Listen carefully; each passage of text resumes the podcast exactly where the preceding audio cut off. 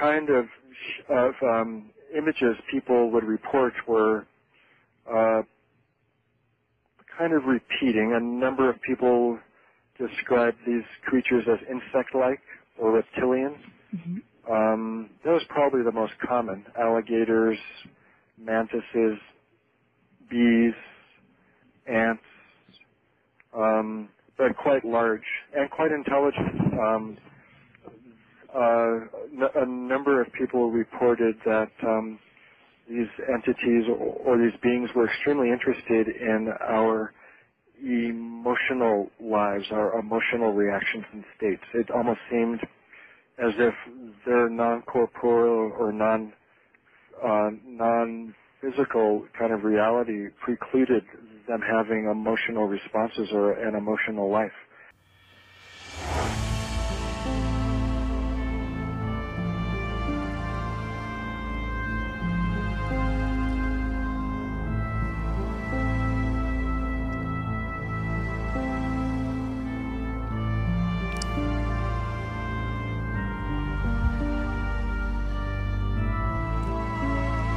Welkom weer, lieve kijkers, lieve vrienden en vriendinnen.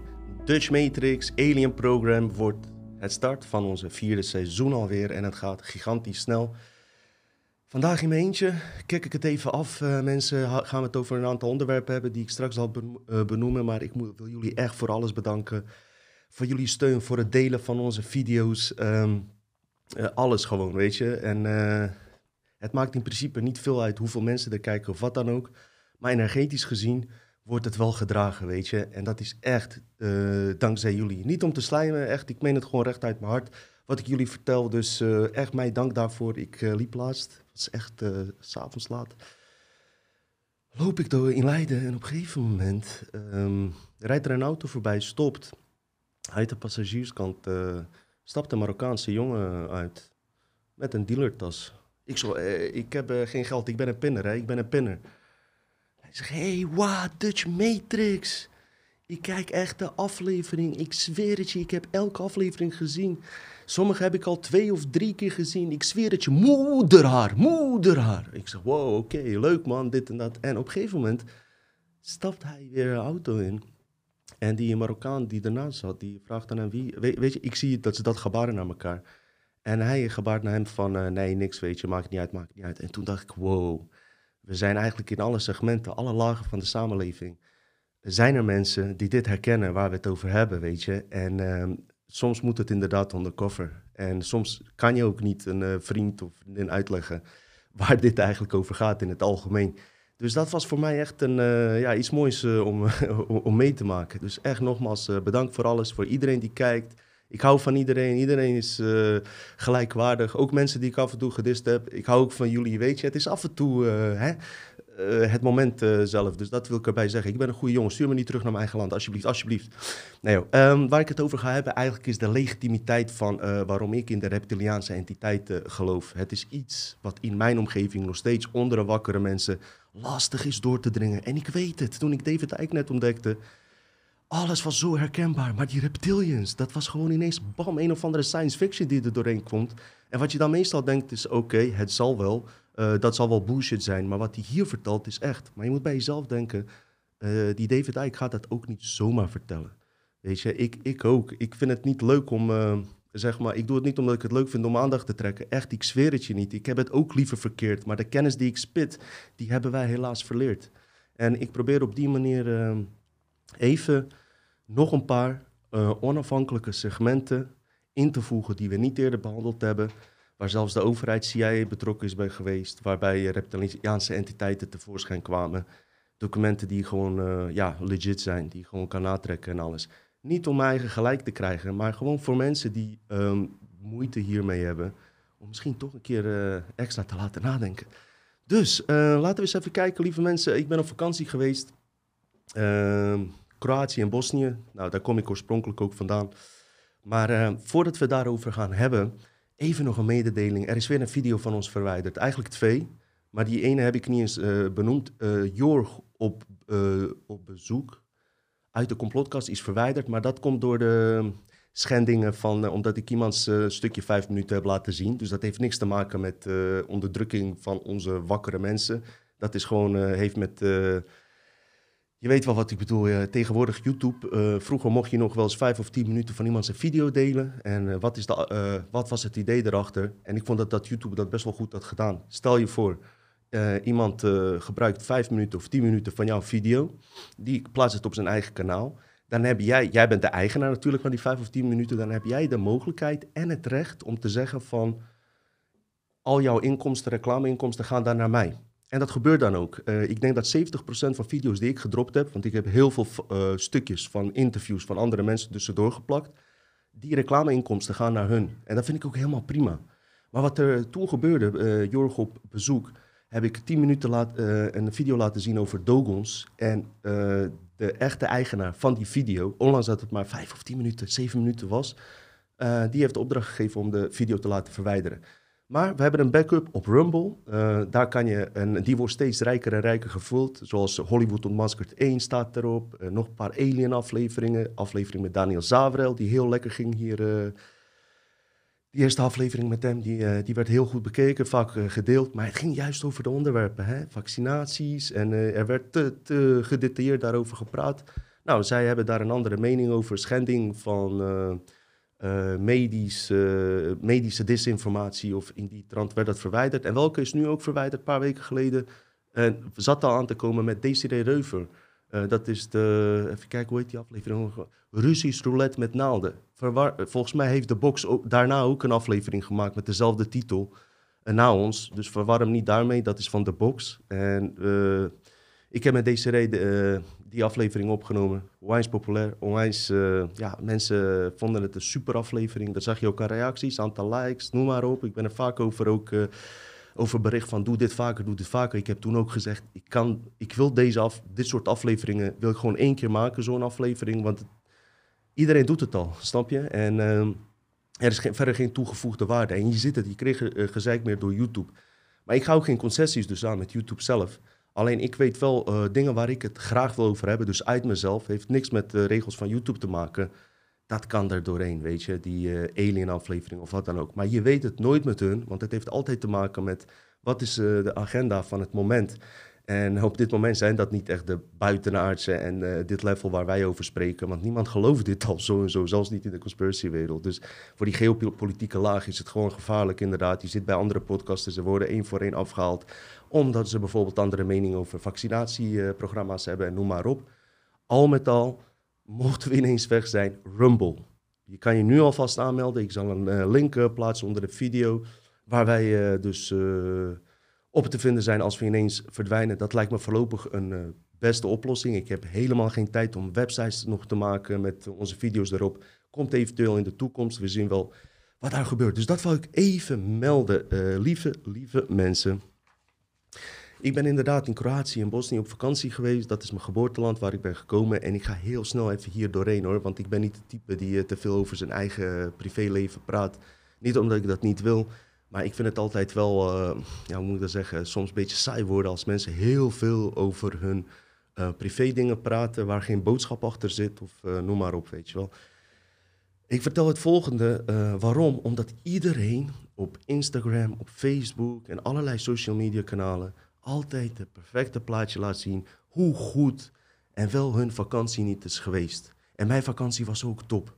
Maar ik ga expres de minst leuke kanten even met jullie delen. Waarom? Omdat ik daar ook zelf weer in de spiegel heb gekeken, samen met mijn gezin zelfs. En uh, toch weer wat lessen uit heb uh, geleerd. Dus uh, ik hoop dat je hier ook wat aan hebt. Ja, en zoals ik al zei, Rumble is eigenlijk onze digitale backup als we verdwijnen. Maar landen waar ik eigenlijk vandaan kom en bijna elk jaar op vakantie ga, zie ik als soort van fysieke backup voor mezelf. Stel je voor dat ik zou besluiten om uh, uit Nederland weg te gaan of wat dan ook, weet je. Dan is dat de meest, uh, voor, voor de liggende landen. Mijn vriendin komt uit Kroatië, ik kom uit Bosnië. Zijn die twee landen. En ik heb al eerder gezegd, uh, vijanden, laten ze het zo noemen, met wie we te maken hebben. Het maakt echt niet uit in welk land jij zit jij zal altijd met die programmeringen te maken krijgen. Dus al verstop je je helemaal in een bos ergens en je gaat uh, zelf een hut bouwen, dan kreeg jij programmeringen via die dieren om je heen. En er, nergens is perfect, weet je. En dat weet ik ook, daar ben ik me van bewust. Maar dit jaar ging ik wel op vakantie met het idee van, wat als ik daar zou wonen, weet je? Hoe zou ik het ervaren? We waren er maar drie weken en op verschillende plekken, dus dat is lastig te zeggen. Maar misschien, uh, weet je, uh, heel, ik, ik heb heel veel mensen gesproken die vooral naar de Oostblok. Laatst ook was iemand die gaat daarheen emigreren. Misschien word je er gelukkiger van. Dat zou zeker kunnen. Maar ik zeg nogmaals, vluchten is geen optie, weet je. Maar je moet het altijd voor jezelf natuurlijk besluiten en weten. En voor mij is dat de backup, zeg maar, Kroatië en Bosnië. Even snel ga ik er doorheen. We waren naar Kroatië. En ik heb het al eerder over gehad. De programmeringen waar ik het over heb, die doen er eigenlijk alles aan dat jij niet in je oorspronkelijke kracht komt. En ik heb daar geen miljoenen euro's voor nodig. Het enige wat ik nodig heb, ik persoonlijk, is gewoon een mooie zee of een lekker meertje. Waar, uh, waar lekker een zonnetje is, dat ik af en toe kan duiken, wat lekkers eten. Eigenlijk normaalste dingen. En je ziet, je gaat met hele positieve energie erheen.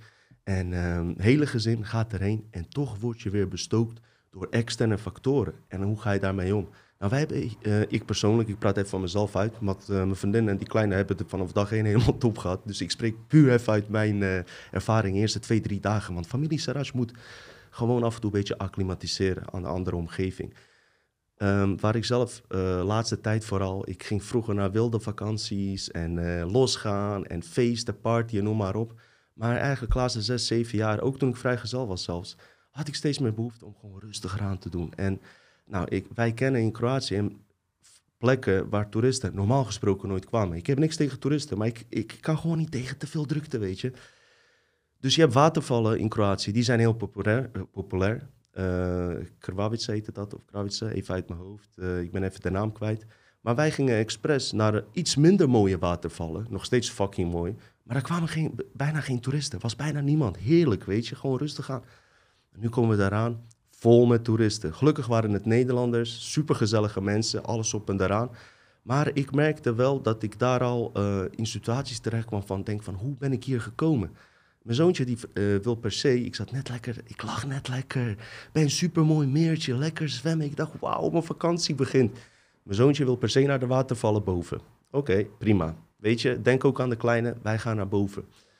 En toen begon het eigenlijk al. Uh, terwijl hij liep, was een of andere vent, uh, ook een Bosnier of Kroaat, zo'n, uh, die, zei, die was ervan overtuigd dat mijn zoontje zijn hond provoceerde. Je gaat het niet geloven. Die hond begint op hem te blaffen, zo'n kleine Maltese leeuwtje. En deze man begint tegen mijn zoontje van, je provoceert mijn hond, dit, dat, zo, zo. Ik kijk zo naar hem. Ik zie een, ja, zo'n ehm, zo'n Joegoslaaf die veel te lang in het Westen heeft gewoond, weet je, helemaal geïntegreerd, zo'n uh, makelaarskapseltje, Lacoste, polootje, hoe heet dat heet, met, met zo'n kraagje, ja. En ik zeg, hé, hey, uh, ik blijf toen nog wel heel relaxed van. Ik zeg, oh, waar hebben we het over? Ja, dit, dat. mijn hondje mag kinderen niet. Ik zeg, hé, hey, luister vriend, we zijn hier op een normale vakantie voor mensen. Ik hou ook van dieren, maar dit is een vakantie ook voor kinderen en voor normale mensen. En by the way, we zitten hier allemaal te eten jouw hond uh, zit hierbij. Eigenlijk heb ik ook last van zijn haren, zo, als die zich aan het droog uh, schudden is en alles, weet je. Maar ik zeg niks tegen jou, jij begint hierover. Zijn vrouw kwam er weer tussen, die zei, nee, het was niet hij, het was een ander kind. Ik zeg, joh, laat maar zitten, ik ga gewoon verder. Maar ondertussen, wij waren de enige twee uh, inheems, om zo maar te zeggen, Joegoslaven, Bosnisch Kroaten daar. En om ons heen waren allemaal Nederlanders. Dus zij dachten dat wij ook daar echt vandaan komen. Die mensen waren ook geschrokken, want we waren steeds asocialer aan het doen. Ik dacht, laat het maar zitten. Ik ga wel naar die waterval boven. Wat is het mooie aan die waterval? Je klimt omhoog en je hebt een uh, natuurlijke jacuzzi-soort van. Het is ongelooflijk mooi. Nou, wij gaan daar gewoon lekker in zitten. Was niet te koud, lekker zwemmen en alles. Nou, denk je, oké, nu lekker ontspannen. Vijf minuten later, een man, andere... Nee, jonge, jonge gast, 25, 26 jaar, komt naar me toe, heel bezorgd. Hij fluistert me, hey, niet schrikken, maar uh, achter jullie is een slang. Ik, eh, heel, ik was best wel eh, geschrokken. Ik tegen me, die kleine, ik zeg zo van, uh, we moeten gaan. Nee, ik ga nergens heen. Ik zeg, er is een slang. Maar ja, hij is nergens bang voor. Ja, waar dan, waar dan? Rustig daarheen, hup. Nou, dat ook weer gaat. Nu ga ik sneller. Door naar Makarska, dat is de plek waar we altijd uh, zomer vieren en alles. En daar gingen die programmeringen door. Dus dat is wat ik je wil vertellen. Hoe ga je met die programmeringen om? Je observeert ze, niet te veel op ingaan, weet je. Ik heb het ook met die man goed gemaakt, waren aardige mensen en alles. We gaan verder, weet je. En dat is waar je constant mee te maken hebt als je diep gaat met deze onderwerpen. Je gaat ze zeker herkennen. Zodra jij, zodra jij in jouw hart gaat zitten, dus niet op, in je hoofd, ga je dit soort dingen krijgen. We gaan op waterfiets. Ehm, eh, we zijn 100 meter verder. Je hebt van die touwen. We komen vast te zitten op die. eh, in zee komen we 100 meter verder op vast te zitten, omdat die waterfiets eh, vast zat aan die touwtjes daar. Nou, minister van Buitenaardse Zaken, duiken. Ik zat een paar minuten onder water die shit los te maken daar zo. Eindelijk los, mijn oor verstopt, nog steeds. Ik heb daar last van. Is dat gay dat ik dat zeg? Op zich wel. Eh, weet je, maar fuck wat je hoort, net als een lul in je oor, snap je? Je moet gewoon verder. We gaan verder. We gaan verder naar onze favoriete strand. Waar we altijd zitten. Waar beschutting is en kiezelsteentjes zijn. Wij komen daaraan. Nu is het ineens voor hele luxe Oost-Europeanen. 50 euro eh, bedje. Minstens iets van 200, 300 euro in het restaurant moet je opmaken. Je weet toch, je komt daaraan en je zit van die eh, eh, Oostblokkers met zo'n hele dikke buik, bloempotkapsel en superslanke fotomodellen erbij die de hele tijd Instagram-foto's maken voor, ze, voor zichzelf met mooie uitzicht. En wij komen daar 30 jaar. Hey, ik kan het betalen hoor, maar ik ga het gewoon niet betalen, snap je? Ik, ik heb daar gezeten, ik heb twee jaar in de oorlog gezeten. Ik heb op diezelfde strand gezeten waar nu tienduizenden mensen zitten. Heb ik eens met vijf of zes mensen gezeten midden in de fucking oorlog. En er is veel veranderd. En dat is goed. Het is goed dat de toeristen weer goed gaat.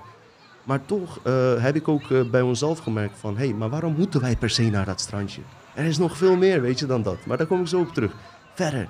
eh, we hebben ook een soort van leuk favoriete koffietentje waar we zitten. Er zit een heel mooi uitzicht. Het, het gewoon goede energie op. Wij daarheen bestaat die hele tent niet. We gaan naar een andere tent. Willen we net onze koffie bestellen. Tot 12 uur schenken. En na lange reis. Wij werden gewoon een beetje. Oh ja, ook op de boulevard met die stepfietsen. Bab, ze rijden 40, 50 para mensen. Lijkt wel op ze het op ons gemunt hadden. Allemaal. Je moest echt voor ze wijken, weet je. Nu hebben ze trouwens verboden, die stepfietsen daar. En op een gegeven moment, wij gaan gewoon verderop op een strandje eh, zitten. Een wat minder populaire strandje. Met wat grotere stenen, wat, wat minder eh, zit. Wij zitten daar zo ook soort van geïrriteerd. Maar meer door de reis hoor, dat het lang duurde ook en zo. En wat er toen gebeurde, toen kwam dat besefmoment. Hè. Ze hebben daar op die plek, hebben ze speciaal voor eh, gehandicapte mensen, hebben ze een hele mooie stenen pad gemaakt. Dat ze met hun rolstoel kunnen ze aan, eh, tot de zee komen. En aan het einde van die pad zitten er banden waar ze zich om vast kunnen binden, zeg maar.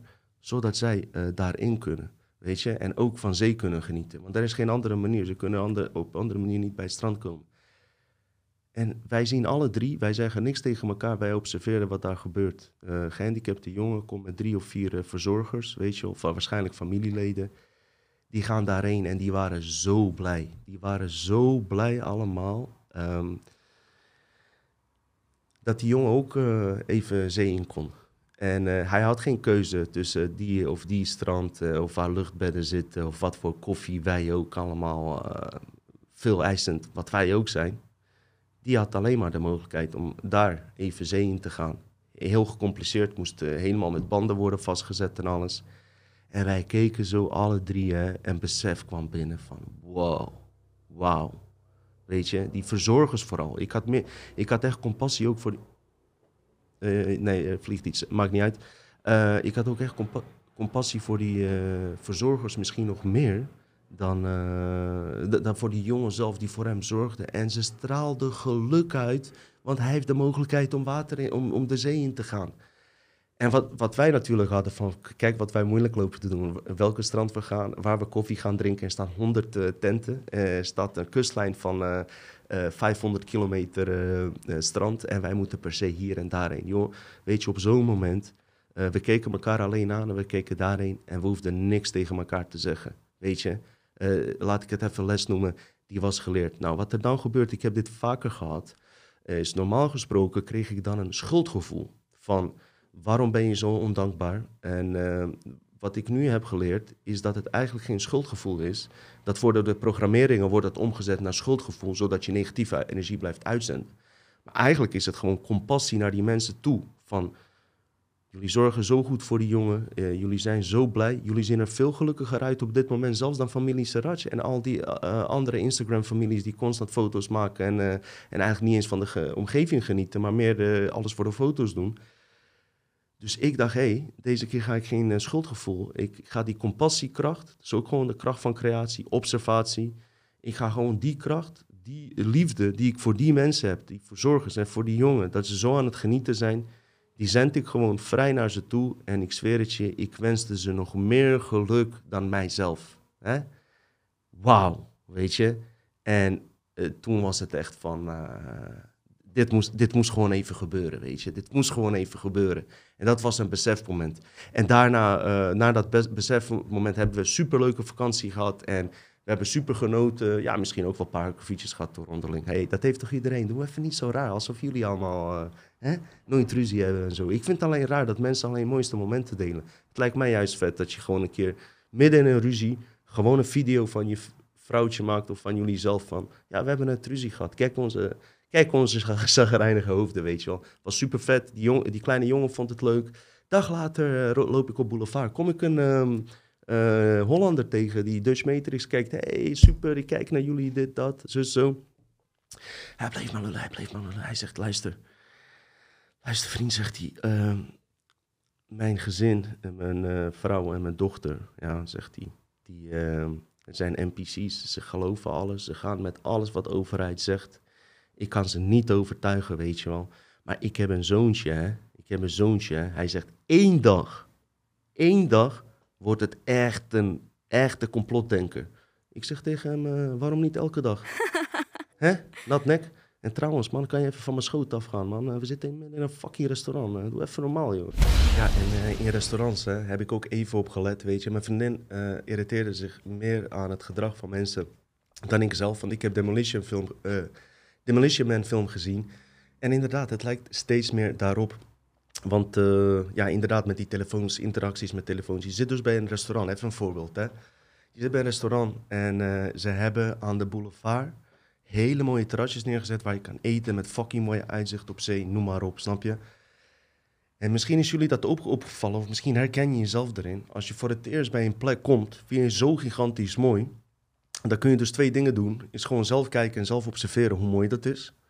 Dat is heel belangrijk, omdat jij in jouw eigen universum jouw observatiekracht, wat van hieruit komt, daarin brengt. Of nog voordat je het zelf hebt gezien, pak je je telefoon erbij, omdat je blijkbaar belangrijker vindt om dat te delen op Instagram met al je vrienden.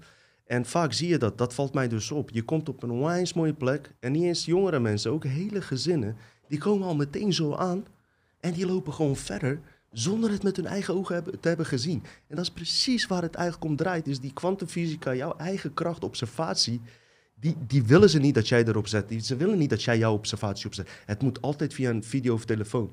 Weet je wel? En daar is op zich niks mis mee, maar dat viel me wel op. Gezinnen dus, die... Uh, ik irriteerde me niet aan, want ik had het al verwacht.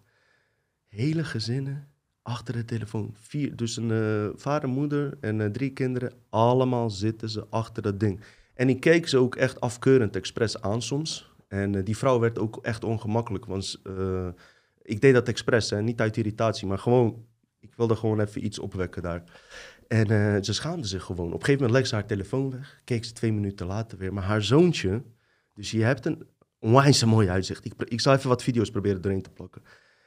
In plaats van dat je geniet van dat mooie weer, van die, van die uh, die van boom naar boom springen, turquoise zee, met een wijs mooi uitzicht, kristalheldere zee. Die plek waar we zijn is verkozen tot mooiste stranden van Europa. Op derde plek van de wereld zelfs uh, zijn ze wel eens verkozen. En wat ga je doen? Je gaat op je telefoon zitten. En sterker nog, je laat je zoontje gewoon de, tijdens het eten constant achter die, uh, achter die telefoon zitten. Die jongen, ik denk 9 of 10 jaar oud. Die heeft zo lang gespeeld. Ik zat ze echt te observeren. Uh, een of ander spel had hij gespeeld, was hij zo, zo zat, dat hij op een gegeven moment gewoon zo, letterlijk zo zat. Hè? Onder is telefoon, hè? Of hij was aan het aftrekken. Oh nee, kan niet op die leeftijd. Ongelooflijk, ongelooflijk. Daar wilde ik dan wel een foto van maken. Maar ik heb twee weken uh, lang heb ik mijn telefoon gewoon lekker uh, in appartement gelaten. En de laatste dag heb ik alleen wat video's voor jullie gemaakt. En het maakt ook niet uit als je een wal bij hebt, maar ja, hoe ga je ermee om? Op een gegeven moment waren we daar een beetje zat en uh, we gingen naar wat uh, um, aparte strandjes. Um, niet in de zin dat het, dat het naaktstranden zijn of zo. Die heb je daar ook. Daar loop je dan er voorbij, heel vaag. Zie je allemaal naakte mensen daar zo. Ik ben benieuwd of je daar ook foto, foto's van mag maken. Maar je gaat dan een stuk verder, verder, verder, waar toeristen niet van op de hoogte zijn. Op, op een gegeven moment beland je gewoon bij een of ander strand. Het is moeilijk bij te komen, maar daar ehm, ja, is gewoon eh, ja, onafhankelijk van de hele wereld, lijkt het wel. En het landschap daaromheen zit er ook een beetje buitenaards uit, man. En ehm, toen kreeg ik, ook, eh, kreeg ik ook een flashback van mijn vakantie hiervoor. eh waren we in Paak. En het eerste wat ik tegen mijn vriendin zei, omdat ik nooit daar eerder was geweest. Zij wel, zij gaat al eh, vanaf de jeugd daarheen. Ik zeg, dit lijkt echt buitenaards. Ik zeg, op sommige plekken hier... Want ik hou zelf van beboste gebieden. Als je naar het strand gaat, dat je ook beschutting hebt en zo. Dit was helemaal kaal. En het leek net op de maan. En ik grapte nog naar mijn vriendin. Hier zou je zo'n eh, valse maanlanding eh, kunnen, in elkaar kunnen zetten. Want dit is gewoon echt aliengebied. En het is ook niet vreemd. Ik ging later nakijken. Game of Thrones is in Kroatië opgenomen. Eh, die film die eh Dr. Wu, die Ersan had behandeld, ook in Kroatië op diezelfde plek opgenomen. Ehm, Star Wars, Return of the Jedi, heet die zo? Ook in Kroatië opgenomen. En precies die landschappen waar we waren. En ik vond dat dus niet vreemd. Nou, ik ga even terug naar twee jaar geleden. Ehm, ik, ik zeg, ik vind het heel vreemd. Want ik zag ook van die, eh, waar we het eerder over hadden, van die soort eilanden met soort van, leek wel afgezaagde bomen, maar fucking lang. Dus die afzagingsstuk was misschien wel 50 kilometer lang, weet je, met die reuzenbomen. Ik weet daar trouwens verder niet over. Ik weet niet of dat ook echt zo is. Ik laat het even open hiervoor, hè, speculatie. Maar die shit van die Tartaren kwamen erin terug. Aliens kwamen erin terug, twee jaar geleden vooral. En ik ging even snel op internet kijken. Wat zie ik? Precies bij die plek heb je dus, wel zelfs op eh, Discovery, nee, History Channel, volgens mij ook Ancient Aliens hebben we be- behandeld, eh, de Paak-driehoek. Er is dus in, eh, even kijken, in 1999 een aantal toeristen hebben op die plek waar ik twee jaar geleden was, daar in de buurt, eh, heb je een soort van woestijnachtig rotsgebied, weet je wel. Eh, geen zand, maar allemaal eh, witte stenen. Hebben ze een gi- gigantische driehoek eh, gezien. En de stenen die zich binnen dat driehoek bevonden, zagen er anders uit dan daarbuiten. Nou, daar is er dan onderzoek op geweest. En ehm, ze hebben allerlei daar dingen opgemeten met meetapparatuur. Het schijnt zo te zijn dat het honderden jaren oud is. Of van een eh, verloren civilisatie, beschaving die ooit heeft bestaan. Of er, is ooit wat iets opgeland, of een heel andere reden. Die stenen zijn in ieder geval, hebben ze onderzocht, onder zeer eh, hoge temperaturen komen te staan binnen die driehoek. En die driehoek is aan eh, één zijde 32 meter lang en aan de andere twee zijdes 22 meter. En het is wel beschermd gebied geworden. Je kan er wel komen, maar heel lastig. Dus ik wilde vorig jaar al daarheen gaan. Mijn schoonmoeder zei van, eh, ja, ja, je kan er wel heen. En net voordat ik vertrok, ik had mijn camera, dus ook eigenlijk voor jullie. Ik wilde het in Dutch Matrix uitzenden. Had ik meegenomen. Wilde ik meenemen om alles ook te filmen en alles. En ik dacht, laat ik toch maar even op internet kijken van eh, hoe die andere mensen daar zijn gekomen en alles. Een en al ellende. Mensen moesten drie uur lopen. Ze zeggen, als je geen drie liter water bij je hebt, eh, ga je er gewoon aan. En rotsen heel lastig over te lopen. En ik keek naar die driehoek zelf, weet je wel. dacht van, ja, zo bijzonder is het ook weer niet. En het is het niet waard om daar helemaal heen te lopen en naar de kloten te gaan. Maar goed, ehm, wat het nog sterker maakt. ehm, onderzoekers hebben dus met eh, gamma-metingen, stralen, allerlei eh, dingen gemeten. En binnen die driehoek heerst er een, eh, toch een andere energie dan buiten die driehoek zelf. En bij elke punt van die driehoek, op drie punten, staan er holen in, holletjes van 30 centimeter diep. Niemand kan nog verklaren wat het is. Dus ik zeg ook niet dat het iets met UFO's te maken heeft of niet. Maar het is gewoon vreemd dat zoiets al eh, honderden jaren daar staat. En, eh, en eh, ja, met, dit soort dingen, weet je wel, dat die stenen toch onder zulke hoge temperatuur zijn komen te staan. Ik vraag me af of ze honderden jaren geleden volgens onze geschiedenis daar in staat waren om, ja, is er iets in brand gegaan? Je weet het niet. Maar ook de straling uit die stenen is anders en heel veel dingen. Dus ging ik met mijn schoonmoeder weer praten, want ik kwam ook een paar dagen langs. En deze, zij zit ook in deze shit. Zij volgt ons ook. En zij, zij is ook geïnteresseerd naar deze onderwerpen. En die vertelde mij al, want zij komt al 30 jaar daar. Van kleins af aan komen ze over buitenaards. Er wordt daar al 20, 30 jaar gesproken. Er zijn vreemde activiteiten in de lucht. En met iedereen die je daar spreekt, plaatselijke bevolking, ze doen er niet eens bijzonder meer over. Ze hebben zoveel dingen meegemaakt, bizarre dingen. En eh, in de lucht eh, zoveel vreemde dingen gezien. En als je dat dan aan koppelt aan die driehoek en alles. Zij praten daar al daarvoor, voordat die driehoek eh, gevonden werd. praten mensen erover dat ze vreemde dingen zagen. Zelfs ja, vliegende schotels die gewoon dingen lieten vallen uit die schotel zelf. En vage dingen. Maar goed, daar gaat deze aflevering niet over. Het is het ook niet waard om een aparte aflevering hierover te maken. Ik dacht, ik vermeld het ooit even tussendoor erbij, omdat er veel belangrijkere dingen waren. Dus dit is een moment daarvoor om dat met jullie te delen, wat betreft Kroatië. Verder zijn er nog heel veel... Uh, er zijn ook soort van Roswell-achtige tafereelen geweest in de tijd van Joegoslavië met Tito. Ook dat zal ik een keer uitzoeken. Maar eigenlijk waar ik het uh, in essentie over wil hebben, is het bestaan van de reptilianen. Dus we gaan nu eindelijk naar het onderwerp waar het verdomme eigenlijk om gaat. Niet dan! En luister vriend, als je even goed nadenkt, uh, shit die we behandeld hebben en zo hè. Ja, die andere mensen ook behandelen. En je kijkt in de spiegel hè. Je hoeft niet in de spiegel te kijken, dat slaat nergens op trouwens. Maar uh, je vraagt je af, zou het echt zo zijn? Waar al die mensen het over hebben, waar Dutch Matrix Dino het over heeft. Reptiliaanse entiteiten die iets van ons moeten. Zou het dan echt zo zijn? Zou dat echt zo zijn? Ik ga hier in uh, dit stuk even een paar dingen opnoemen. Ik zei het net al. Mensen, er is iets uh, in ons brein, in onze brein, komt ook door die Hollywoodfilms en alles. Uh, zodra het over dit gaat, wordt het niet geaccepteerd. Hoeveel bewijsstuk je ook brengt. En nou ben je een ontwaakt persoon. En dan begrijp jij dus niet dat mensen nog steeds drie, vier vaccins nemen en boostershots en alles, terwijl alles op straat ligt. Hè?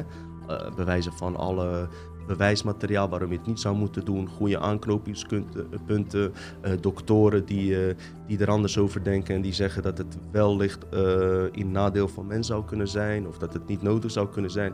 Speculatie of niet, noem het maar op. Jij bent van overtuigd bijvoorbeeld waarom COVID bullshit is of niet zo erg is zoals het is en waarom je je vaccinatie niet neemt, dat begrijp je allemaal.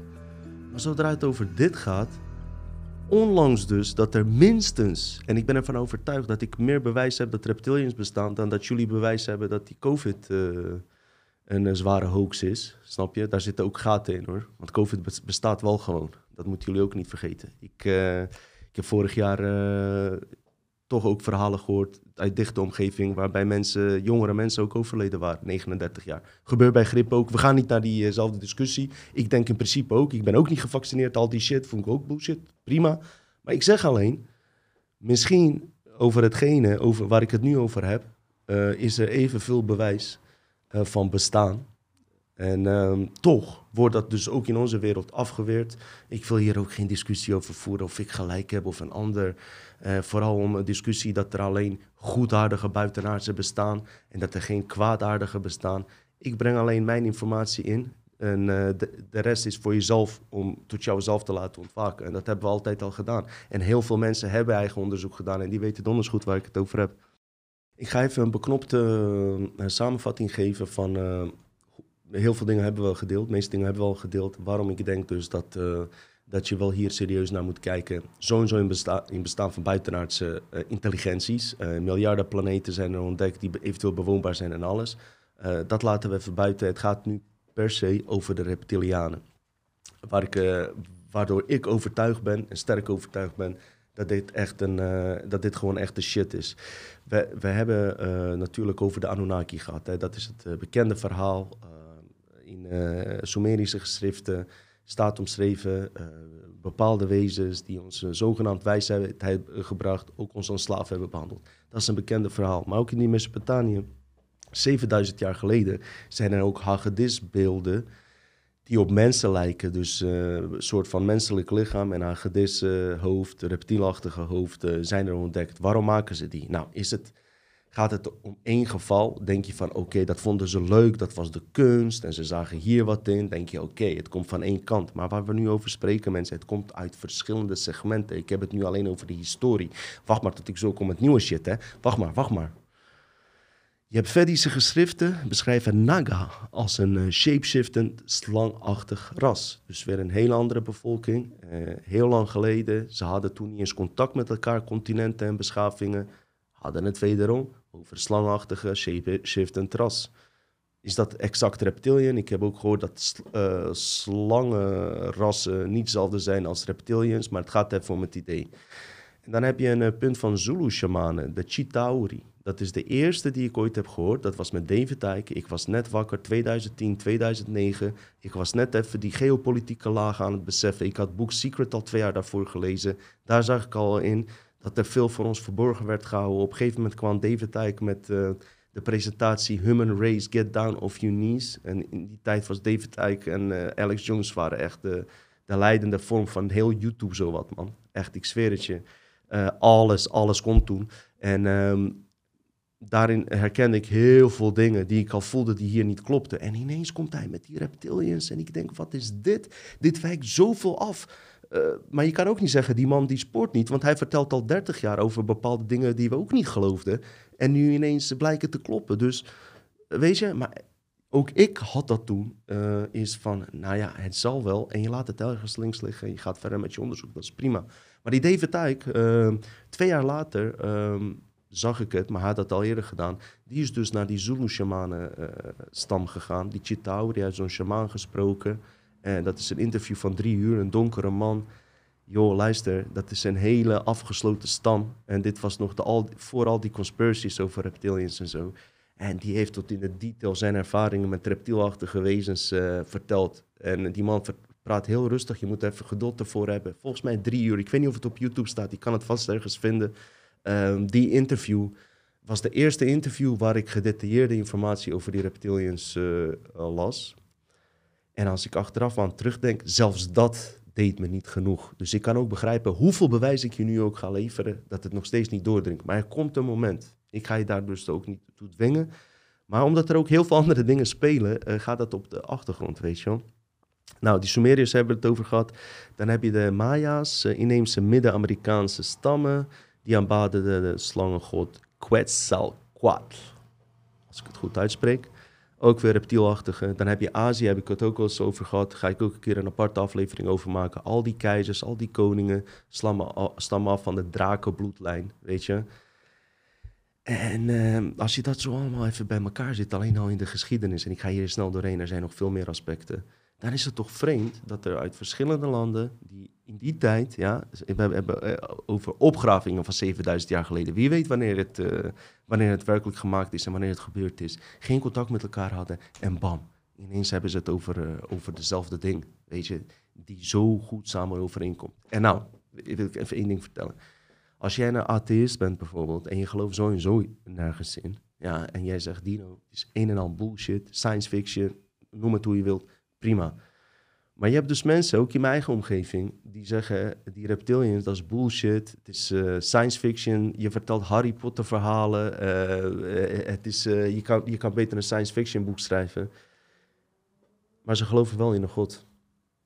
En ik, en ik sluit dat ook niet uit. Dat het verhaal van de Bijbel ook niet voor een heel groot deel klopt, Koran en alles. Ik sluit dat niet uit. Mijn vraag alleen is van, hoezo geloof je dit wel en dat niet? Ten eerste. En ten tweede zeggen ze, ja, maar uh, ik moet het eerst zelf met eigen ogen zien. Ik wil die reptilian zelf zien. Maar dan vraag ik van, heb jij God dan met je eigen ogen gezien? Ja, maar ik heb hem gevoeld. Ja, maar de vraag is, wat heb jij gevoeld? Jezelf, God of misschien iets anders? Snap je?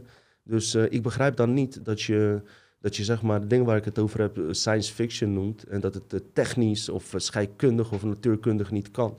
En volledig overtuigd bent van een Bijbels verhaal waar Jezus uh, over water loopt, bijvoorbeeld de vis tovert, waar, je, waar, je, waar een God uh, zorgt voor een uh, overstroming van heel aarde, dat Atlantis zinkt en in één schip alle diersoorten, dan wel van twee paar, inpassen en ehm, dat met de heilige graal des verbonds, hoe heet die, ark des verbonds, dat, dat op een gegeven moment een uh, rivier of zee in tweeën gesplitst wordt. En uh, weet je, uh, Jezus die interdimensionaal terugkomt nadat hij overleden is. Dat neem je allemaal aan. Ja? Dat is geen science fiction. Maar zodra ik over reptiliaanse entiteiten heb, waar gewoon godverdomme insiders van, van militaire diensten openlijk over praten. En waar in de geschiedenis over wordt verteld. En tenslotte in je religieboeken niet alleen Bijbel, niet alleen Koran, maar ook in, uh, in, uh, in alle, aan die Indische boeken, uh, die, die Vina Krishna, Vina Krishna, hoe heet dat nou? Dan heb ik het hier genoteerd.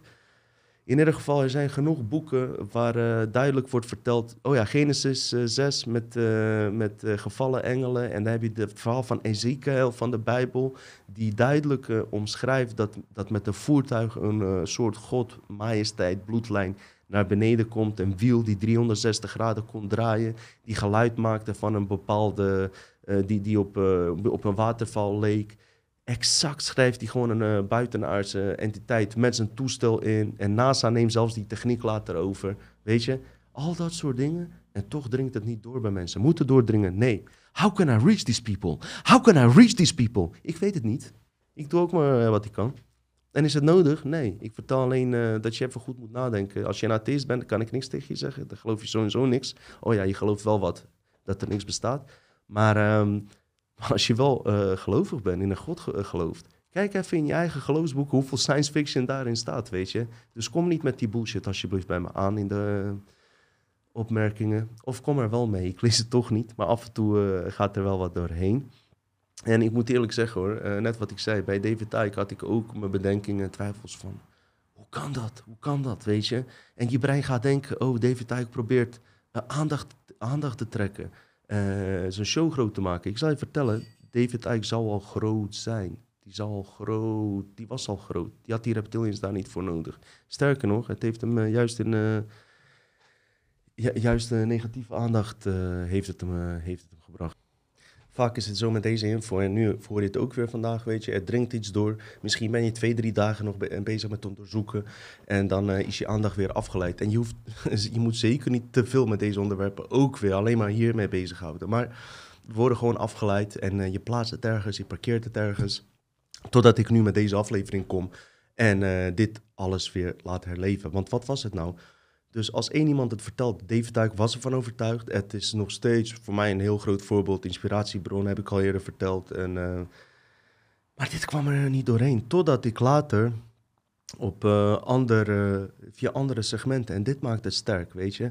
Er zijn mensen dus die niet alleen in de conspiracy, in de complotwereld uh, zitten en onderzocht hebben, die met reptilianen in aanraking zijn geweest. Ook bijvoorbeeld Dolores Cannon met haar hypnosesessies, wat ik later ging onderzoeken, kwamen ook weer reptilianen in voor. Ook heel veel andere buitenaardse rassen, maar ook weer specifiek reptilianen. Dan heb je dokter Jacobsen, Simon heeft hem behandeld. Dat is een, uh, hypno ja, dat is een dokter die uh, verschillende mensen heeft behandeld die beweerden dat ze door buitenaardse intelligenties ontvoerd werden. En hij geloofde daar niks van. Hij wilde weten wat er mis was met die mensen. Toen, heeft, toen is hij erachter gekomen van dat die mensen onafhankelijk van elkaar te veel gedetailleerde details vertelden. En ook zelfs uh, bewijs hadden dat, dat er met hun lichaam uh, gekloot werd. er werden rare dingen in hun lichaam gevonden die niet van, van de aarde afstammen en zo. En ook deze man heeft met duizenden hypnoses, duizend, tienduizenden euro werk, vier, vijf boeken heeft hij hierover geschreven, heeft hij exact kunnen achterhalen welke rassen bezig zijn met de ontvoeringen van mensen. En ik praat nu over een officiële arts, dokter, geregistreerde, gedocumenteerde. Um, die, um, die heeft ze omschreven, waaronder insectoïde-achtige wezens en reptilianen. En met hoe groot ze zijn, wat voor soorten er zijn. Alles staat in zijn boeken, weet je wel. En die man was absoluut niet met deze onderwerpen bezig. Die belandde gewoon daar via zijn uh, patiënten. Belandde die daarin. Secret societies, shapeshiftende reptilians die ze aanbieden, die ineens uh, verschijnen door rituelen en offeringen en al die shit wat je eigenlijk hoort in de geopolitieke laag van de complot.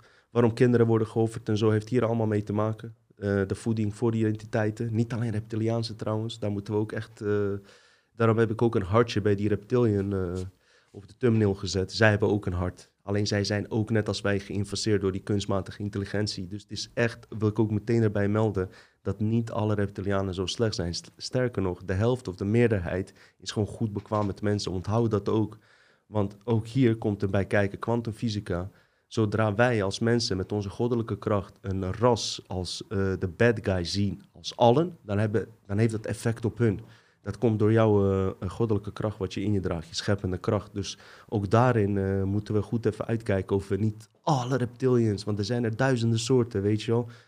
De meeste hebben niks te maken met deze situatie waar wij in zitten. sterker nog, ze zijn zelf ook slachtoffer daarvan. Dus ehm, dat hebben we behandeld. Dan hebben we de, de Secret Space Program, weer een heel ander segment. William Tompkins eh, van Operatie Paperclip, de gedocumenteerde insider, vertelt openlijk heel makkelijk over reptilians. Heeft er ook helemaal geen moeite mee over te praten. Heeft daar met zijn hogere commandant over gehad. Er zijn volledige verslagen over geweest. Praat er open over. Corey Good, Emery Smith, allemaal insiders van die, van die programma's die daaraan eh, gewerkt hebben. Randy Kramer, Jason Rice allen hebben ze een totaal ander identiek verhaal. Dus niet van elkaar gekopieerd, niet van David. Dit, dit is eigenlijk vervolg op David. Waar David stopt, gaan zij verder. Tot in de diepe details. En dan heb je ook nog eens Montauk Project met Peter Moon. Um, die vertelt dat uh, bij uh, Montauk tijdreis-experiment uh, ook reptilians betrokken waren. En wat was de conclusie? Net als de andere conclusies van dokter Jacobsen en alles, is dat er een uitwisselingsprogramma is tussen de Grace en de reptilians in ruil voor onderzoek op mensen. En ik ga daar in de toekomst verder. Ik schrijf hier ook over, dus ik ga het in de toekomst ook in de podcast behandelen. In de Montauk, onder de grond, was er een speciale afdeling waar, waar insectoïde en reptilians uh, uh, mensen daarin ontvoerden, zeg maar. En uh, bepaalde testen met ze deden, vooral gericht op emotiekracht. Dus dan heb je weer een heel ander segment, tijdreissegment, waar zij ook weer in voorkomen. Daar zal ik in de toekomst wat meer... Ik heb erover geschreven, zodat het boek uit is. En een paar maanden later dan zal ik het ook in de, in de podcast droppen. Um, heel bizar. Uh, voordat ik uh, naar uh, Bob Monroe ga, dus twee nieuwe segmenten, dus de, de Gateway Process en DMT-experimenten met Dr. Strassman, waar wederom deze conclusies zijn gekomen, maar weer vanuit hun vak, vanuit hun segment, van hun, hun, richting, zeg maar, wil ik nog een video delen waarvan ik dacht dat hij verdwenen was. een aantal jaar geleden heb ik deze video gezien. Ik kon hem nergens op YouTube terugvinden, dus ik ga hem straks laten zien van wie is die van Marinier Sommige mensen denken dat het een hoge legerofficier is. Ik heb er geen verstand van. Is een video opgenomen die een briefing geeft aan een uh, paar jongere mariniers, eh, weet je, weet ik, majors, ik weet niet hoe je dat noemt. Um, ook wederom over buitenaardse wezens en ook wederom over reptilians. En dat is opgenomen uh, tijdens die briefing. Die briefing is natuurlijk, wat ik zelf denk, een deel van de gecontroleerde eh, disclosure, weet je wel. Uh, anders hadden ze dit nooit vrij mogen geven. Maar uh, ik twijfel, ik denk voor 90% dat, het, dat dit geen neppe beelden zijn, dat het niet opgezet is. Ik denk dat het wel echt is, dat het real is.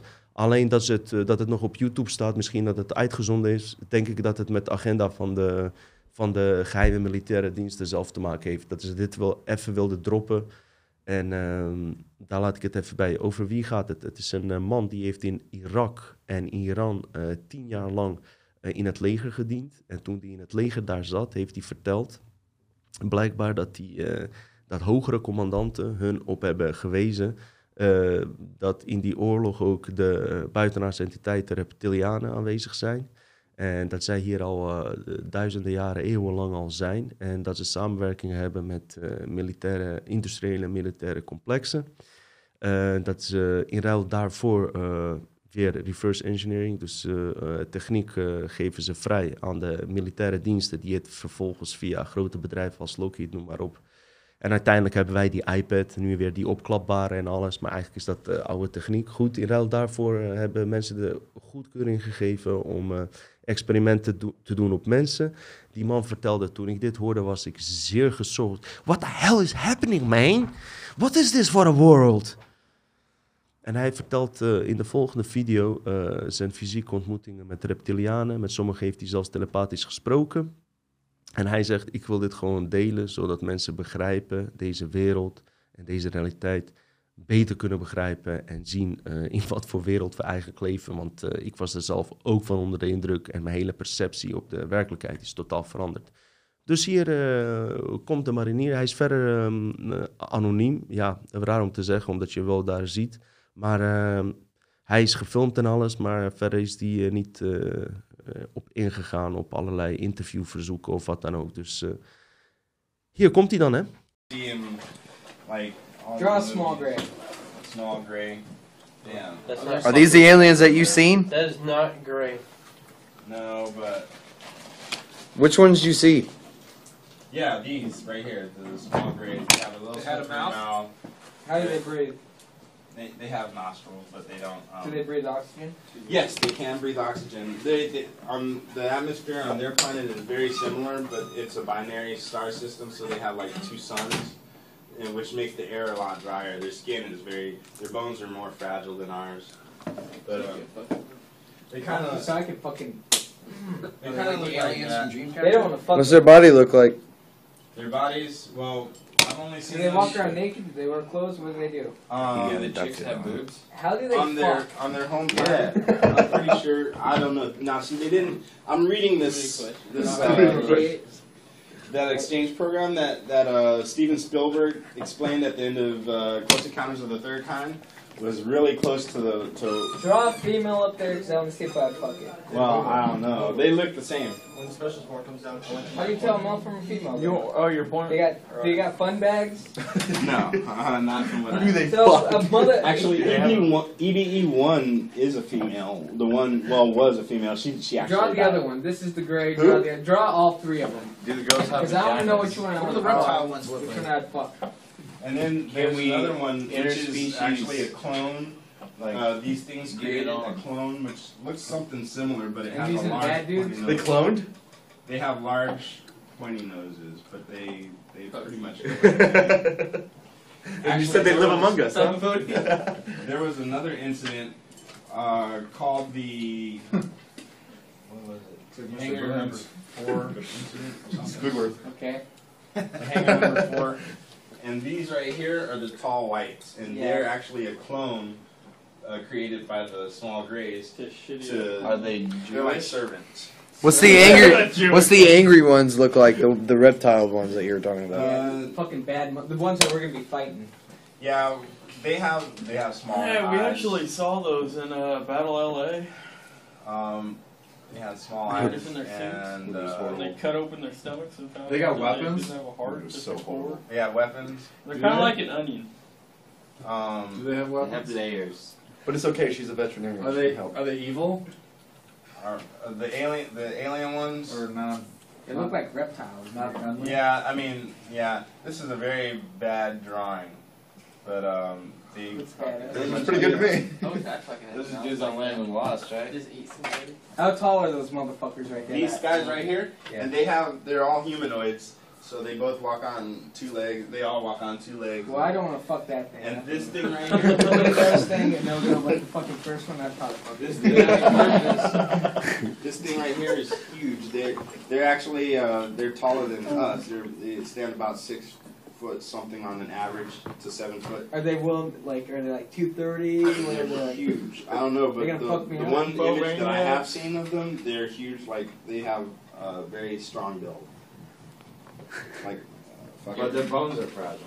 No, not those. this is going The on small- America's the Funniest small. Home Videos. Well, what's up with the fucking big Well- dudes? Like, what's their fucking planet like? But this guy, Yeah. Like a I don't know, but they- tornado. How do they Fucking react? Can they breathe oxygen too? these yes, but these and these had a, a big, a large war. Okay, who won? Um, these guys, well, no, these guys won. They almost wiped these out, but They had a soft spot. So we should be more worried about their the little planet ones. was destroyed, so they had to go to Serpo. Which Well, this guy's got a fucking bunch of motherfucking clones. So. How do you know that there was an alien war? Because EBE1 said so. I actually watched Star Wars. What the fuck is EBE one? Alien We support. We It's the exchanged the, sur- motherfucking. It's We did the like a foreign exchange program. The su- yeah, we exchanged some EBE1. humans for some fucking aliens. Have you guys They took us back to their fucking planet. They took they 12 say, of us. you. if you if you go online and look at under the majestic 12 and and actually oh so president uh, who was it told steven steven spielberg when when that movie was made uh, in close encounters of the third kind the president told steven spielberg that he hit the nail on the head and pretty much Oh, with the Okay. because He at the end of the movie. movie you can count them they send Are these 12 humans motherfuckers in when, red. when this asteroid or whatever the fuck's gonna go on here pretty soon? Are these motherfuckers gonna come help us out, or what are they gonna do? uh, well Nope, This they're still going asteroid's to be supposed to flying hit around a wrecking 2016? spaceship. 2012. 2012, December 21st, 2012. That asteroid, that fucking. The- Okay. the- the- okay there there was Are an those asteroid motherfuckers gonna come help us out? Maybe Jesus there's- was an alien. You know what? They said that that's a very strong possibility. Some that he wasn't an alien, but he was. Our DNA has been altered 60, 68 times since uh, since um, the caveman days. Okay, So- Do you believe don't in Je- do you not believe in motherfuckers are gonna Jesus? Come help us out. I do. I do. 'Cause Do you believe he was an fucking alien? Know if I need to send money or if I need to spend my know kind of money. What do I do? have. Or just go out. Do I And buy these stocks motherfuckers or can come sell help us out because You if not, at then I'll fucking blow all my money and shit and have a good fucking time. Okay, well. The the thing that they're calling a, an asteroid that's supposed to hit us and Yeah. destroy us was actually uh, not an asteroid. It's a spaceship.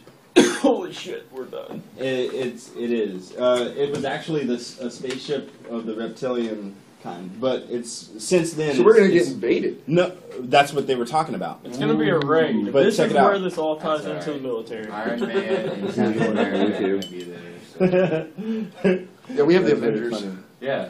Thank God. No, it Hey, was, where are these motherfuckers at? Because if these motherfuckers are like within a couple years out, these motherfuckers are nowhere to be seen. What the fuck's going on? Well, that's what we're doing. We're forming an alliance with them. We we've actually sent twelve of our own to their planet, and they stayed there for thirteen years. How It's did we supposed get to our be- guys to Does this? Obama know They're about supposed to be set. I'm pretty sure he knows.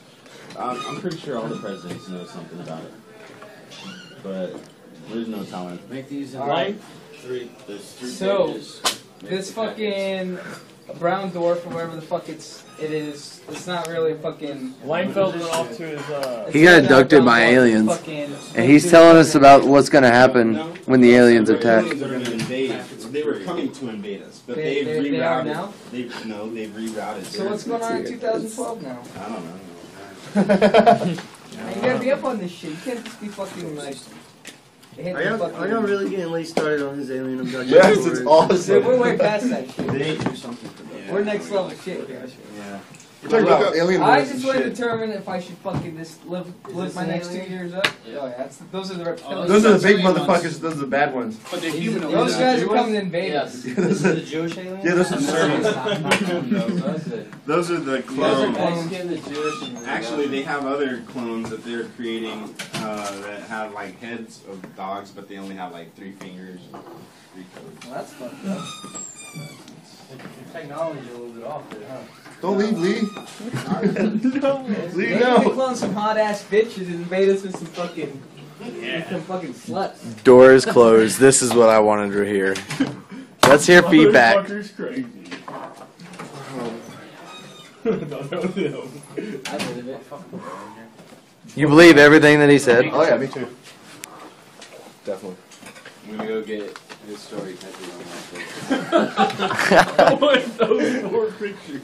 I want If Tom Cruise believes this shit, I believe it.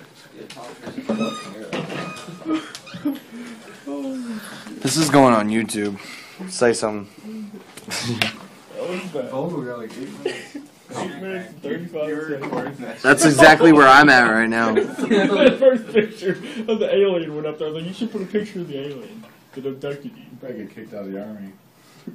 Yeah, watch this. They fucking Psychedelics come down. They fucking like cordon off this fucking area. They all fucking like Come in all with these and shit coming here. and They're like, in what's Some the men in black bullshit. like, They're holding up little. Lee started talking again. We gotta kill everybody. Dus de conclusie ook van deze man, eh, wat hij eigenlijk eh, vertelde, is dat ehm, deze reptiliaanse rassen vooral geïnteresseerd zijn naar bepaalde bronnen die op aarde zijn.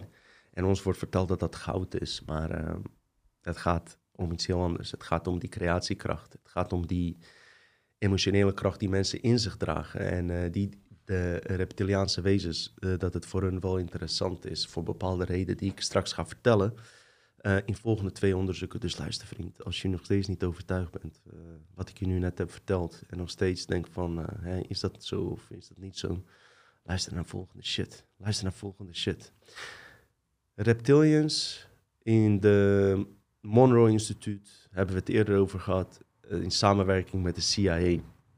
Eh, Monroe Instituut, we hebben eerder eh, Rolf Knights gehad, Deep Cosmic Level, kosmische focuslagen. Die afleveringen worden nu eindelijk volle bak bekeken. En dat gaat lekker omdat mensen er gewoon klaar voor zijn. Daarin zei Rolf Nuis, die ook bij Mono Instituut zit, dat er eh, samenwerkingen waren met Bob Monroe en de CIA. Wie is Bob Monroe? Dat was een hele rijke zakenman, heeft heel snel. eh, die wa- was op een gegeven moment op een of andere manier eh, door een eh, geluidsexperiment buiten zijn lijf getreden. Hij ontdekte dat je op een bepaalde frequentie, als je koptelefoons in doet, opdoet en aan de ene kant zoveel hertz hebt, aan de andere kant zoveel hertz, dat je hersenen in een bepaalde golfstaat terechtkomen, komt, ik dacht delta bewustzijn. En in die staat van bewustzijn, dat is een bijna slaperige staat, ik vertel het even heel glo- globaal, eh, staan je zintuigen meer open voor dingen die je in normaal leven niet ziet. En dat hebben ze helemaal uitgewerkt. En ehm, ik heb daar heel veel mensen ook die dat echt zelf hebben uitgeprobeerd. En eh, die shit werkt echt. Ik, ik heb het zelf nooit gedaan. Maar eh, ik ken echt genoeg mensen wat, die ik heel erg vertrouw, die bizarre ervaringen hebben gehad. Dus door de geluidsfrequenties komen ze, en in combinatie met meditatie, kunnen ze werkelijk waar astraal reizen, buiten lichaam treden en eh, eigenlijk het hele universum eh, ontdekken. Wat was het geval? Eh, die Bob Monroe, ik, ik praat nu over, over iets waar gewoon honderdduizenden, miljoenen mensen mee bekend zijn en mee aan de gang zijn gegaan. Het is gigantisch groot. Die man is daar 35 jaar mee bezig geweest. Ik dacht dat hij in 95 overleden was, ik weet niet zeker. Maar ehm, de CIA vond ook eh, deze shit interessant. Dus hebben ze hem ingehuurd om eh, via remote viewing. Hè, onder de hand weten jullie allemaal wel wat remote viewing is. Zo niet, stel het in de comments en dan wordt je vraag beantwoord door een van de kijkers. Want die zijn er wel van op de hoogte. Hij was een van de pioniers van de remote viewing. De Amerikaanse CIA wilde eh, de Russen bespioneren. Hebben ze Monroe ingeschakeld om te testen hoe goed of dat wel niet gaat. Eh, de, de, de proefpersonen hebben ze op EEG-scans geplaatst, zodat ze alles konden uitlezen en kijken hoe hun hersenactiviteit werkt als ze in de remote eh, view eh, focus zitten. En die resultaten waren echt verbazingwekkend. En ik heb eerdere afleveringen hierover ge- gemaakt. Dat ze gewoon precies uittekenen hetgene wat ze zagen en wat daar in hun remote hè, sessie en, eh, en een satellietfoto en hoe overeen dat kwam. Dus, eh, en iedereen kan het trouwens, jij en ik kunnen het ook, zodra je, dat is de kracht die je hebt in jezelf. En ehm, ja, ehm, daar dat, dat ging met een super, dat was een super groot succes. Groot succes was dat.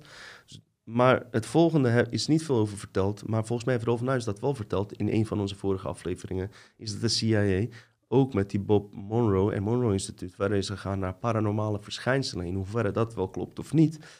Daarbij hebben ze portalen naar andere dimensies werkelijk geopend en dat noemden ze de gateway process. De, de deelnemer kon via deze techniek buiten de tijd en ruimte om functioneren en beschikte zo over paranormale vermogens, omdat je in een bepaalde staat, dus je beschikt al over die vermogens. Het enige wat je doet is je bewustzijn omschakelen naar een staat waarbij de filters open gaan die dicht zijn gezet. Dus je komt in een ander spel, laat ik het zeggen, terecht, die wat meer eh, functies heeft. Zo omschrijf ik het zelf. En eh, de volgende ontdekkingen, en ook daar heeft Rolf Nuits het over gehad, volgens mij heeft hij deze man zelfs ontmoet, eh, komen van de commandant zelf, M. McDonnell, bevatten gedetailleerde informatie over de aard van onze werkelijkheid. Dus deze documenten zijn officieel, kun je gewoon terugvinden. En wat was de conclusie van die paranormale eh verschijnselenonderzoek tussen Monroe en CIA?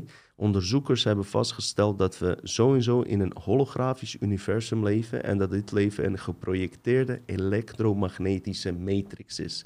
En ik praat nu over onderzoeken van tientallen jaar geleden, toen over Matrix film niet bestond, toen over deze onderwerpen helemaal niet werd gevraagd. Heel lang geleden, 50, 60 jaar geleden, was Bob Monroe met zijn eh, buiten eh, ja, eh, astrale reizen en buiten zijn lichaam tredingen tot deze conclusies gekomen omdat hij met intelligenties terecht kwam. Later de CIA ja, heeft dat zelf ook ondervonden omdat ze met proefpersonen vrijwilligers test hadden gedaan. Om deze sfeer te betreden zaten de reizigers, dus de proefpersonen, met hun koptelefoon. Je doet de koptelefoon op en je doet een meditatie om in die staat van bewustzijn te komen. Ze zaten in geïsoleerde duisternis terwijl ze luisterden naar verschillende tonen op specifieke hertz. Dat is belangrijk, zodat het verschil van die toonhoogte een bepaald gemiddelde bereikt, waardoor je in die staat terechtkomt. Na afloop van hun reis vertelde eh, zij eh, vervolgens aan die, eh, hoe heet die gast, M. McDonnell eh, van het onderzoeksteam van de CIA, wat hun ervaringen onderhand waren. Dat waren er heel veel, maar wij zijn gericht op die reptilians nu. En deze eh, proefpersonen eh, zijn dus in hun ervaring interdimensionale eh, entiteiten zijn ze tegengekomen. En het waren vooral, de meest voorkomende waren reptielachtige, mensachtige. Deze deelnemers noemden hun krokodilachtige of alli- alligators, noemden ze ze vooral. Want ja, hoe noem je ze dan naar iets ja, wat erop lijkt? De naam reptilium bestond niet eens, want dit was nog voor de tijd van David Tyke. Maar eh, Bob Monroe, die was daar ook bekend mee. En daar ben ik zelf mee bezig. Ga ik ook in de toekomst openbaren. eh, heeft daar ook in zijn boek over geschreven. Dat hij met zijn astrale reizen ook eh, deze griezelige wezens, dus de negatieve kant van de reptiliën zijn niet allemaal zo, was tegengekomen op andere planeten waar ze, waar ze wezens ook onderdrukten. Via dezelfde technieken als hier. En ik praat nu dus over 50 jaar terug. Dus het is niet iemand die nu ineens komt aanzetten. 50, 40 jaar geleden. In zijn boeken schreef hij hierover. Dat is best wel bizar. Hij heeft 35 jaar onderzoek hiernaar gedaan. En eh, zijn conclusie, specifiek over de reptilianen, in zijn 35 jaar onderzoek is het volgende. De reptiliaanse entiteiten hebben de mensheid millennia lang gedomineerd. Ze opereren onder andere uit de vierde dimensie en zijn alleen zichtbaar voor bepaalde mensen die buiten het beperkt spectrum van zichtbaar licht kunnen kijken. De reptielen voeden zich met onze spirituele levenskracht die hij loes noemt. Het woord loes komt ook bij hem vandaan. Lange, eh, lage trilling-energie is essentieel voor hun overleving. Dus dat houdt in dat alle negatieve energie, eh, zoals angst, haat, jaloezie, noem maar op, heel veel dingen die ons eh, bekend voorkomen, eh, daar voeden zij zich mee. Dat is hun bodem. Even kijken, wat hebben we hier? Woede, depressie, laten oogsten. Want ze zien ons ook een soort van. ehm, ze zien ons ook als een soort van boer- boerderij voor consumptie, zeg maar. Hun intelligentie is gelijk of superieur aan mensen. En dit ongrijpbare hagedisti- hagedisachtige ras zit zichzelf superieur en de heerser over de mensheid. En die Bob Monroe heeft tot de laatste adem, tot de laatste dag van zijn leven, heeft die, is die bij zijn eh, verhaal gebleven dat dit gewoon echte shit is. En dat, dat hij van overtuigd is dat dit zo is. Uit zijn eigen ervaring heeft hij dat gedaan. Dus echt tot de laatste dag heeft hij zijn verhaal nooit veranderd. En hij, waarschuw, hij waarschuwde regelmatig dan ook over de sinistere spirituele vampiers. Sinistere spirituele vampiers. Dus het is, eh, het is iets eh, waarvan ik denk van wauw, weer een eh, segment waarbij het bestaan van dit soort entiteiten, ehm, ja, ik, ik, neem het, ik, neem het steeds meer aan voor waar, omdat dit ook weer een heel ander segment is. Hè? Heeft niks te maken met David Icke, met Dolores Cannon, met, met, met die DMT ayahuasca. Het is gewoon een fan die via een hele andere, hij was met hele andere dingen bezig hier terechtkomt. En dat maakt het interessant. Dat maakt het sterk, weet je. Nou, ehm, deze eh, onderzoeken waren in de jaren 80. In 2003 zijn zijn ze vrijgegeven. Maar door gebrek aan aandacht van de media en eh, noem maar op... is dit nooit eigenlijk aan het licht eh, gekomen. En daarom is het fijn dat we dit soort podcasten kunnen doen, man. Dat wij dit dan kunnen delen en, eh, en mensen toch op de hoogte stellen. Want het wordt vrijgegeven, maar op een of andere manier... is het niet interessant voor de... Voor de voor de media, eh, klokkenluiders, verschillende klokkenluiders beweren dat, eh, dat eigenlijk eh, dit verhaal wat ik net heb verteld klopt, maar dat het nooit is gestopt. Dat ze nog veel verder zijn gegaan en veel dieper de- deze materie hebben uitgewerkt. En dat wordt dan niet gedeeld. Het deel wat ik net vertelde is dan wel gedeeld en is ook terug te vinden. Dus mocht je een keer zelf op onderzoek willen gaan, kijk zeker naar het werk van Bob Monroe en zijn boeken die hij heeft geschreven vertelt hier wat uitvoeriger over. En ik zal in mijn nieuwe boek specifiek over zijn ervaringen met reptiliaanse eh, rassen... eh, zal ik eh, wat uitvoeriger ook omschrijven. Want ik vond het wel interessant, past ook in mijn boek heel goed. Dus ehm, ja, weer iets nieuws van, van een richting van wie het niet verwacht. En waar toch weer punten terugkomen is dat er wel degelijk dus één eh, negatieve entiteiten kunnen bestaan. Het is echt heel naïef ook om te denken eh, dat in zo'n groot oneindig universum eh, wij mensen hier op aarde de enige negativiteit kennen. Ik begrijp nog steeds niet waarom zoveel geleerde mensen die zich met ufologie bezighouden, noem maar op, hier standvastig blijven staan. Het is echt, ja, ik begrijp het, is een filter, weet je. Die, die het niet wil of niet durft te bevatten. Misschien ook een soort van angst. En eh, mijn idee is altijd van alles onder ogen zien. En eh, als je het niet onder ogen ziet, dan eh, ja, weet je, als je het niet durft te observeren. eh, Het is net een partner die constant vreemd gaat en jij wil niet zien dat hij of zij vreemd gaat. En het blijft wel gebeuren, jij wilt het niet zien, weet je. En dat is precies hier wat het is. Sommige dingen willen mensen of durven niet te zien.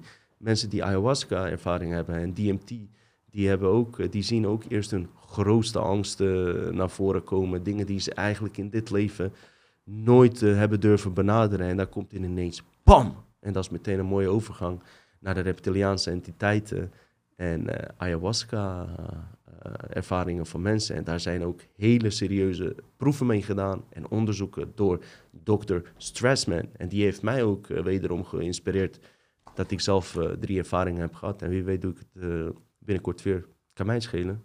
Of wel, of niet. Maakt verder niet uit. Het is mijn leven.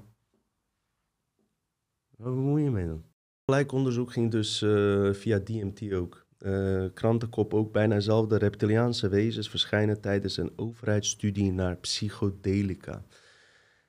Eh, gaan we even terug. Ehm Dr. Stressman die heeft een documentaire uitgebracht, bij velen van jullie waarschijnlijk ook bekend, de Spirit Molecule.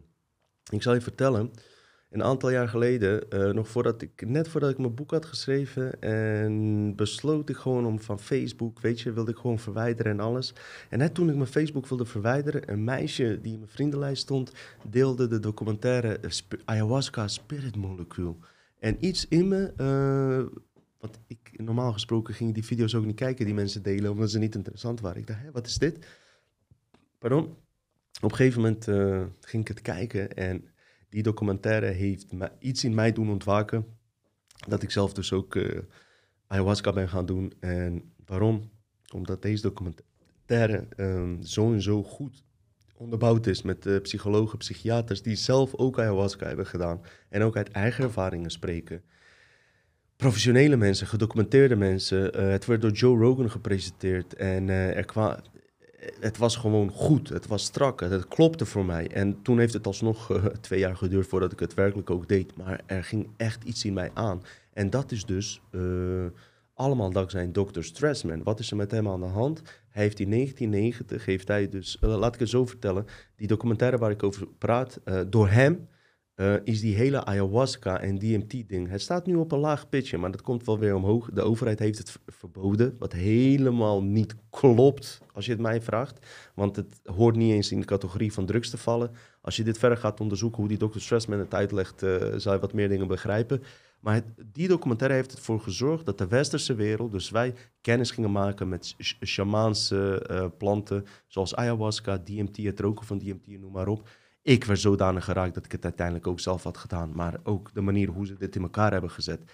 Eh, kijk naar die documentaire Spirit Molecule, als je hem niet hebt gezien. In 2018 is die verkozen tot eh, een van de best bekeken documentaires van Netflix. Dus eh, het zegt wel wat. In 1990, er waren al studies naar ayahuasca gedaan door de overheidsdiensten en alles. Maar op een gegeven moment is dat eh, ja, eh, daarmee gestopt. Natuurlijk voor ons gestopt, omdat ze bepaalde dingen te weten zijn gekomen die ze niet met eh, de mensheid wilden delen.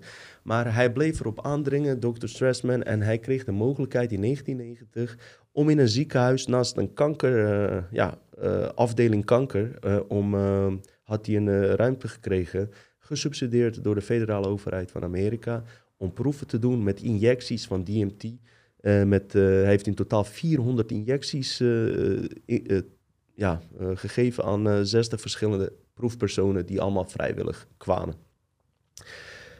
Die Rick Strassman is een zeer gerespecteerde arts en universitair hoofddocent psychologie. Het is, ik laat straks een video van hem zien. Je ziet veel meer dingen van hem. Ik moet wel zeggen, die oudere video's die ik moeilijk heb onderschept, die ik straks ga laten zien, laat hij wat meer dingen los dan wat hij nu doet. Wie weet wat voor druk er ook achter die man zit. Ik zag ook dat hij weer bij Joe Rogan was. Ik weet niet of dat een oudere video van Joe Rogan was, of dat hij werkelijk laatst is geweest. Maar ik zou je zeker aanraden, want Joe Rogan heeft met hem samengewerkt. Kijk op eh, Joe Rogan's kanaal, of ik weet niet, het staat nu op Spotify of op YouTube. Eh, hebben ze zeker hele interessante gesprekken en die ga ik zeker zelf ook nog kijken. Maar ik ben dus geïn- geïnspireerd door die documentaire uit, eh, die ik eh, in 2014 ergens heb gezien.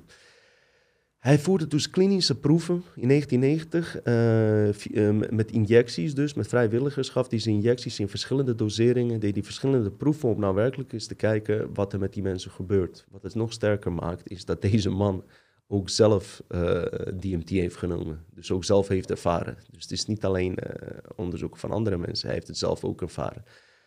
Het resultaat van die onderzoeken zorgde ervoor dat deze man, die hij helemaal niet, eh, ja, die zich wel met bepaalde dingen bezighield en alles, maar zijn, wat hij zelf vertelt, mijn perceptie op de werkelijkheid en hoe alles in elkaar zit, is totaal veranderd na de resultaten van de studies van deze 60 verschillende proefpersonen waar ze mee dat hebben gedaan.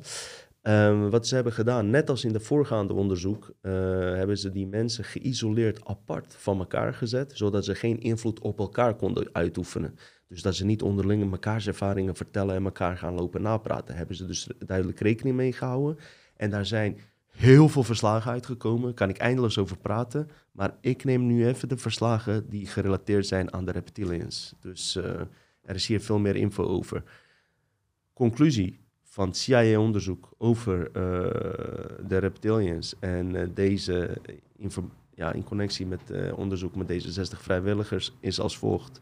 Meer dan de helft van vrijwilligers ontmoeten bijna identieke reptielachtige entiteiten. Dus ondanks dat ze in aparte kamers zaten, geïsoleerd van elkaar, meer dan de helft meldde dat ze reptielachtige entiteiten waren tegengekomen. Reptielen komen tevoorschijn in de verslagen uit de eerste hand van ervaringsdeskundigen.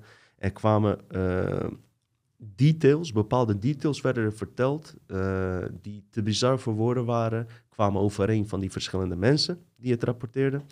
En hij vertelt, zodra de DMT in werking treedt, worden kleurrijke kaleidoscopische mandala's waargenomen. Nou, daar kan ik over praten.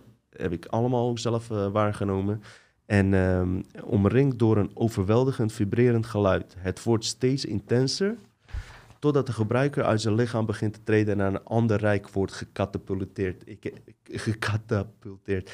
Ik heb eh, hier, eh, vooral in mijn laatste twee ervaringen, kan ik hier zeer over spreken. En ehm, plotseling bevinden ze zich in een kamer vol bizarre apparaten. Reptielachtige wezens verschijnen dan meteen alsof ze wachten op de komst van de persoon. Andere onderdanige niet-menselijke bezoekers zijn vaak ook aanwezig, maar die zijn in een mindere rang. En daaronder zitten eh, onder andere eh soort bit-sprinkhanen, robot-androïden en grijze buitenaardse wezens. Die zijn ondergeschikt aan de eh, reptielachtigen die die onderzoeken doen. De reptoïden praten telepathisch terwijl ze verschillende tests uitvoeren met mensen. Deelnemers laken verlamd door een gevoel van diepe angst als ze ze zien. Dus we zorgen voor een shock-effect, je raakt in angst en dan kunnen ze blijkbaar die proeven doen. En wat ik hierbij toe wil voegen, en ik zweer het je, ik ga die Dr. Stressman, zodra eh, deze hectiek over is, dat ik even die boeken en zo uitbreng en alles, ga ik deze man echt contacten. Want DMT staat nu op een laag puntje. Ik heb het idee dat ik met hem een aflevering zou kunnen maken. Daar, daar gaat het maar via Skype of wat dan ook. Is het, en hij zei het zelf al in een interview. Wat, waarom ik denk dat deze mensen deze negatief eh, eh, in, die, in die testopstellingen terecht waren gekomen, is puur omdat er geen, eh, niet op een rituele manier die DMT werd genomen. Dus ze zaten al in een ziekenhuis, een ja, best wel een draconisch gebouw wat met farma-industrie alleen werkt. Die energie die daar heerst naast een kankerafdeling, ja, zonder enige, voor zover ik weet, ik moet goed uitzeggen, maar volgens mij hebben ze helemaal geen goede energie opgewekt. Volgens mij hoor. Eh, misschien is het wel zo. Ik moet het dan misschien beter uitzoeken. Maar het is niet op dezelfde manier gegaan zoals ik het heb gedaan. Met een intentie, met een eh, mooi achtergrondgeluid. Degene die het maakte, die het ook nog goede energie erin zet. Er zit een hele proces daarvan af. Eh, je moet het wat dat betreft op, zou ik zeggen, doe het op een shamaanse wijze. En een normale shamaan dan, die je niet verkracht als je, als je in die trip zit. Ehm, dus ik denk dat dat de fout is geweest. eh, dat ze het in een ziekenhuis hebben gedaan op een westerse manier. En hoe meer dosering die gaf, hoe verder ze in die trip kwamen. Maar ik denk dat ze gewoon niet beschermd zijn, die mensen. Energetisch niet beschermd, waardoor ze midden in, in een andere dimensie ook in een soort van eh, onderzoekstafel eh, terechtkwamen. Dat is even mijn visie. Hè. Ik moet het ook hier nog even kijken, maar ik ben daarvan eigenlijk van overtuigd. En wat ik graag tegen deze man wilde zeggen, en als iemand jullie deze man kent, ik moet met hem verbinden, is Of die misschien een onderzoek kan doen, ja, nog één onderzoek, dat, dat het wel op een eh, energetisch level wordt voorbereid, met goede energieën, dat er geen kwaadwillende energieën tussenkomen. En dat de mensen die het nemen, dat ze niet hulp vragen van buitenaf om beschermd te worden, maar naar het hart toe gaan. Want mijn ervaring daarin is fucking bizar. Ja? Ik zou zo graag met deze man in contact willen komen om puur dit door te geven, om hier eens even onderzoek op te doen. Ik hoef ook eh, niet per se podcast met hem te maken, alleen deze kennis even doorgeven, dat het via hartsintelligentie werkt. En volgens mij hebben die mensen dat nog steeds niet door. Goed, eh, conclusie van de federale onderzoek van samenwerking met Dr. Stressman, dus eh, die onderzoek met de CIA, met de overheid en alles, over de reptilianen die daar verschenen. Hun conclusie is het volgende. Deze entiteiten wekken intense gevoelens van angst op, zodra een mens in aanraking met ze komt. Eh, koud en onverschillig van gedrag zijn ze. Ze zijn extreem intelligent, snel van begrip, gericht op technisch werk, hebben een agenda, hebben grote ogen, harde huid, zwemvliezen en scherpe klauwen. En eh, ook hier, zelfs als bij je voorgaande eh, onderzoek met het Monroe Instituut, weet je, worden die, eh, weet je, worden die verslagen ergens aan de kant gezet. En hoe bijzonder je het ook vindt, hoe, hoe bizar dit ook is, en gedocumenteerd en alles. Naarmate de tijd verstrijkt, verdwijnt het weer. Wij mensen worden weer afgeleid door andere dingen, oorlogen, hierheen, daarheen. En het verdwijnt ergens in een laadje, totdat ik nu op dit moment kom en dit even opnieuw laat eh, herleven. En ik laat jullie graag even zien eh, een interview die ik heb gevonden uit 2002, waar Dr. Stressman wat meer over deze entiteiten durft te spreken. Ik heb het idee, ik heb het idee dat hij eh, misschien wel meer weet, weet ik niet, dan dat hij eigenlijk wil delen. Ook, eh, weet je, hij heeft toch met de overheid daar eh, aan meegewerkt. En misschien voor zijn eigen veiligheid eh, of om andere reden houdt hij misschien wel meer info achter dan ik zou denken. Maar wat hier eigenlijk, wat hier eigenlijk vertelt in de volgende interview is al opzienbarend. Ehm, als je het vergelijkt met de theorieën waar we het van Dutch, met, met Dutch Meters vanaf dag 1 over hebben. Ehm, en dat is het volgende. Hij heeft een interview gehad met ene Laura in 2002. En toen werd hem gevraagd over deze entiteiten. Hè, de- tijdens die onderzoeken die naar voren kwamen. Dus Laura vraagt, wat zagen deze testpersonen nou exact? En hij antwoordt, en dat ga je straks horen. Onafhankelijk van elkaar, want ze waren geïsoleerd, rap- rapporteerden zij deze wezens als insectachtig of reptielachtig van vorm. Dat waren de meest voorkomende. Ze waren zeer groot en behoorlijk intelligent. Een aantal mensen melden dat deze entiteiten of wezens buitengewoon geïnteresseerd zijn. Dit is heel belangrijk. Buitengewoon geïnteresseerd waren in ons emotionele leven en onze emotionele reacties en dat soort zaken. Het lijkt erop, hoor dit, het lijkt erop dat zij iets missen wat wij wel hebben. Hoe vaak heb ik dat niet vermeld hier? Ik kreeg reptiel, geen kippenvel, ik kreeg nu een hagedissenvel. Laura vraagt weer, we zijn eigenaardig voor hen, hè? Hij antwoordt, "Eh, nou, ik denk dat wij iets hebben dat zij willen, dat ze misschien ooit hebben gehad zelf, maar zijn kwijtgeraakt. En dat is precies, dat is precies waar we het over hebben. Dat is precies waar ik over aan het schrijven ben in mijn nieuwe boek. Is dat ook deze we- wezens, als we even naar die black hole gaan en alles, ooit dit hebben gehad. Creatiekracht, hart en alles. Want mensen die roepen dat reptilians geen hart hebben, die roepen ook te snel dingen. Zij hebben het ook gehad. Ze zijn alleen door die infectie veel meer onder druk komen te staan. In een dieper level be- beland, waardoor hun hart nog heel klein is geworden. En een deel van hun wil dolgraag weer terug, weer terug naar dat moment dat ze weer een echt wezen waren. En nou wil ik daar niet mee goedkeuren dat zij dit soort onderzoeken op ons doen. Ik zeg alleen dat ze die hart, als je hem eenmaal hebt, dan blijft die. Je kan er wel heel veel ver, ver van afstaan, maar hij is er nog. En ook zij zullen, hoop ik, en ik hoop voor alle wezens, naar hun originele zelf teruggaan. En dat ga je straks horen. Dat is de reptiliaanse val van bewustzijn. En ehm, ik vind het een toegevoegde waarde, omdat we ehm, heel gauw geneigd zijn weer eh, nou reptilianen de schuld te geven en alles. Maar ik heb het er wel eens eerder gehad. Er zijn meerdere rassen die er betrokken bij zijn. En wie zegt nou, ik heb zelfs gehoord dat nu de tijd van reptiliaanse overheersing voorbij is en dat een andere ras het overneemt, weet je? En misschien doet die het niet via reptiele brein, maar via een heel ander veld. Eh, op Demolition Man terug te komen, op een veld waarbij de mens heel gehoorzaam is en denkt dat hij in een perfect leven eh, leeft, maar nog steeds gecontroleerd wordt. Dus die orderheid, chaos, is voorbij. Dat was, laten we zeggen, de reptiliaanse stijl. Eh, een nieuwe orde zou kunnen zijn van denken, de, eh, technocratische agenda, dat we daarin worden gesleurd, dat alles perfect is.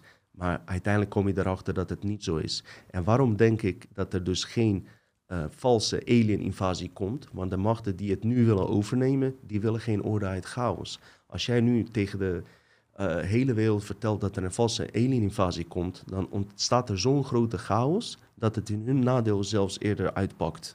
Dat is mijn idee daarover. Dus ik denk zelf dat ze die uh, buitenaardse intelligenties uh, zelf gaan introduceren die van hun zelf komen. Dus de controlerende machten zijn uh, wolven in schaapskleding, waar, waar, waarvan ze een nieuwe, meer Project Bluebeam, hè, waar we het over hebben gehad in een eerdere aflevering, waar ze een soort van nieuwe religie naar voren brengen. Dat alle religies bijeenkomen, dus islam, christendom, boeddhisme en alles. En dat ze zeggen van, zie je wel, die oude religies hebben jullie niet goed begrepen dit is het nieuwe verhaal. En hup, zitten we weer voor een paar duizend jaar in, in een demolition film. Dus dat is mijn idee daarover.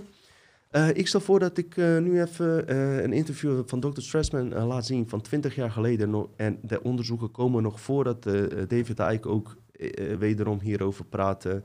Of wie dan ook, weet je wel, van Secret Space Program. De, deze mensen, dus deze info komt eigenlijk al, het is minstens 30 tot 50 jaar oud van wat ik net vertelde. En dat maakt het ook zo legitiem. Legit, man.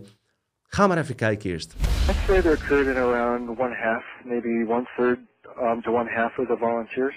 Hmm. And uh, we had around 60 people in the study. They got 400 doses of of the drug over the space of a number of years and a number of research protocols. So yeah, anywhere between maybe 35 and uh, 45 percent of people I've had at least some fleeting contact uh, with these intelligent, non-material kinds of entities. Kind of, of um, images people would report were uh, kind of repeating. A number of people described these creatures as insect-like or reptilian. Mm-hmm.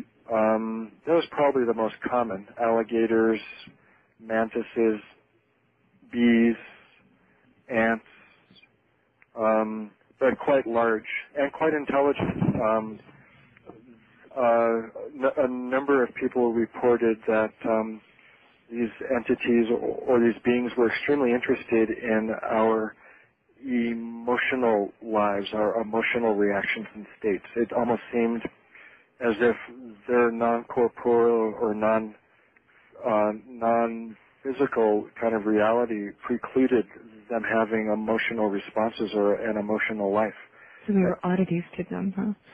Um, well, I think we had something, or we have something uh, that they want, um, that they may have once have experienced, but couldn't any longer. Uh, number of, well, you know, um, I have to kind of pause for a moment about these descriptions. Um, you know, I'm, I'm kind of talking about them in a matter of fact sort of way, but, uh, you know, it, it took me a few years of really thinking about these reports before I attained any sort of equanimity about even thinking about them, let alone talking about them to other people. Um, you know, like I was describing, I wrote these notes down on my notebook when people were talking, but I then, as quickly as I wrote them down, forgot about them just because I was not expecting these reports, and even the volunteers weren't expecting these reports. Uh, um, these studies were taking place in the early 1990s when uh, the whole um, alien experience really wasn't that much a part of the mainstream. Um, Good point.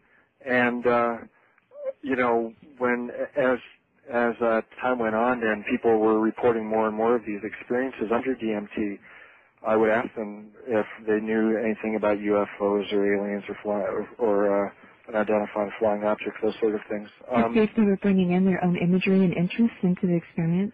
Yeah, I, I was mm-hmm. curious about that, and the majority of people um, with those sort of experiences either were completely unfamiliar with any of the literature on aliens, or had no interest, or were quite skeptical about the whole phenomenon. Um, a couple of people reported uh, um, reported that these beings were um, interested in, in our future and were kind of describing or kind of or were kind of portraying our future to us.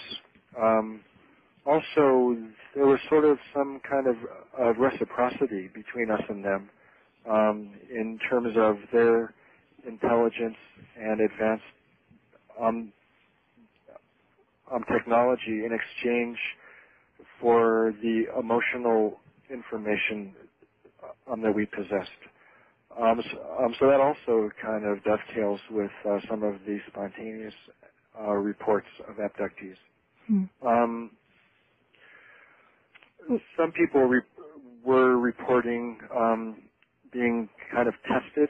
Uh, certain parts of, of their bodies were being tested. Others described an experience of being reprogrammed or things being kind of implanted in consciousness that might manifest later on or kind of a speeding up of psychological evolution, as it were.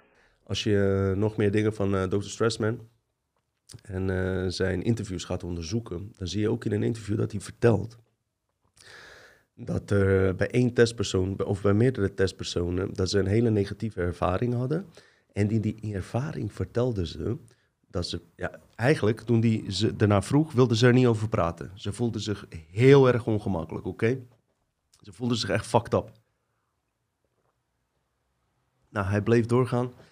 Toen zeiden ze, er is iets gebeurd. En, eh, maar je zal het bizar vinden als ik dit deel. En eh, ik voel me eigenlijk voor schut staan. En ik voel me eigenlijk ook eh, genaaid, letterlijk. Nou, hij blijft doorgaan. Ja, wat is er gebeurd dan? Hij, toen vertelden ze dat ze in hun trip door krokodil- en hagedisachtige wezens eh, verkracht zijn.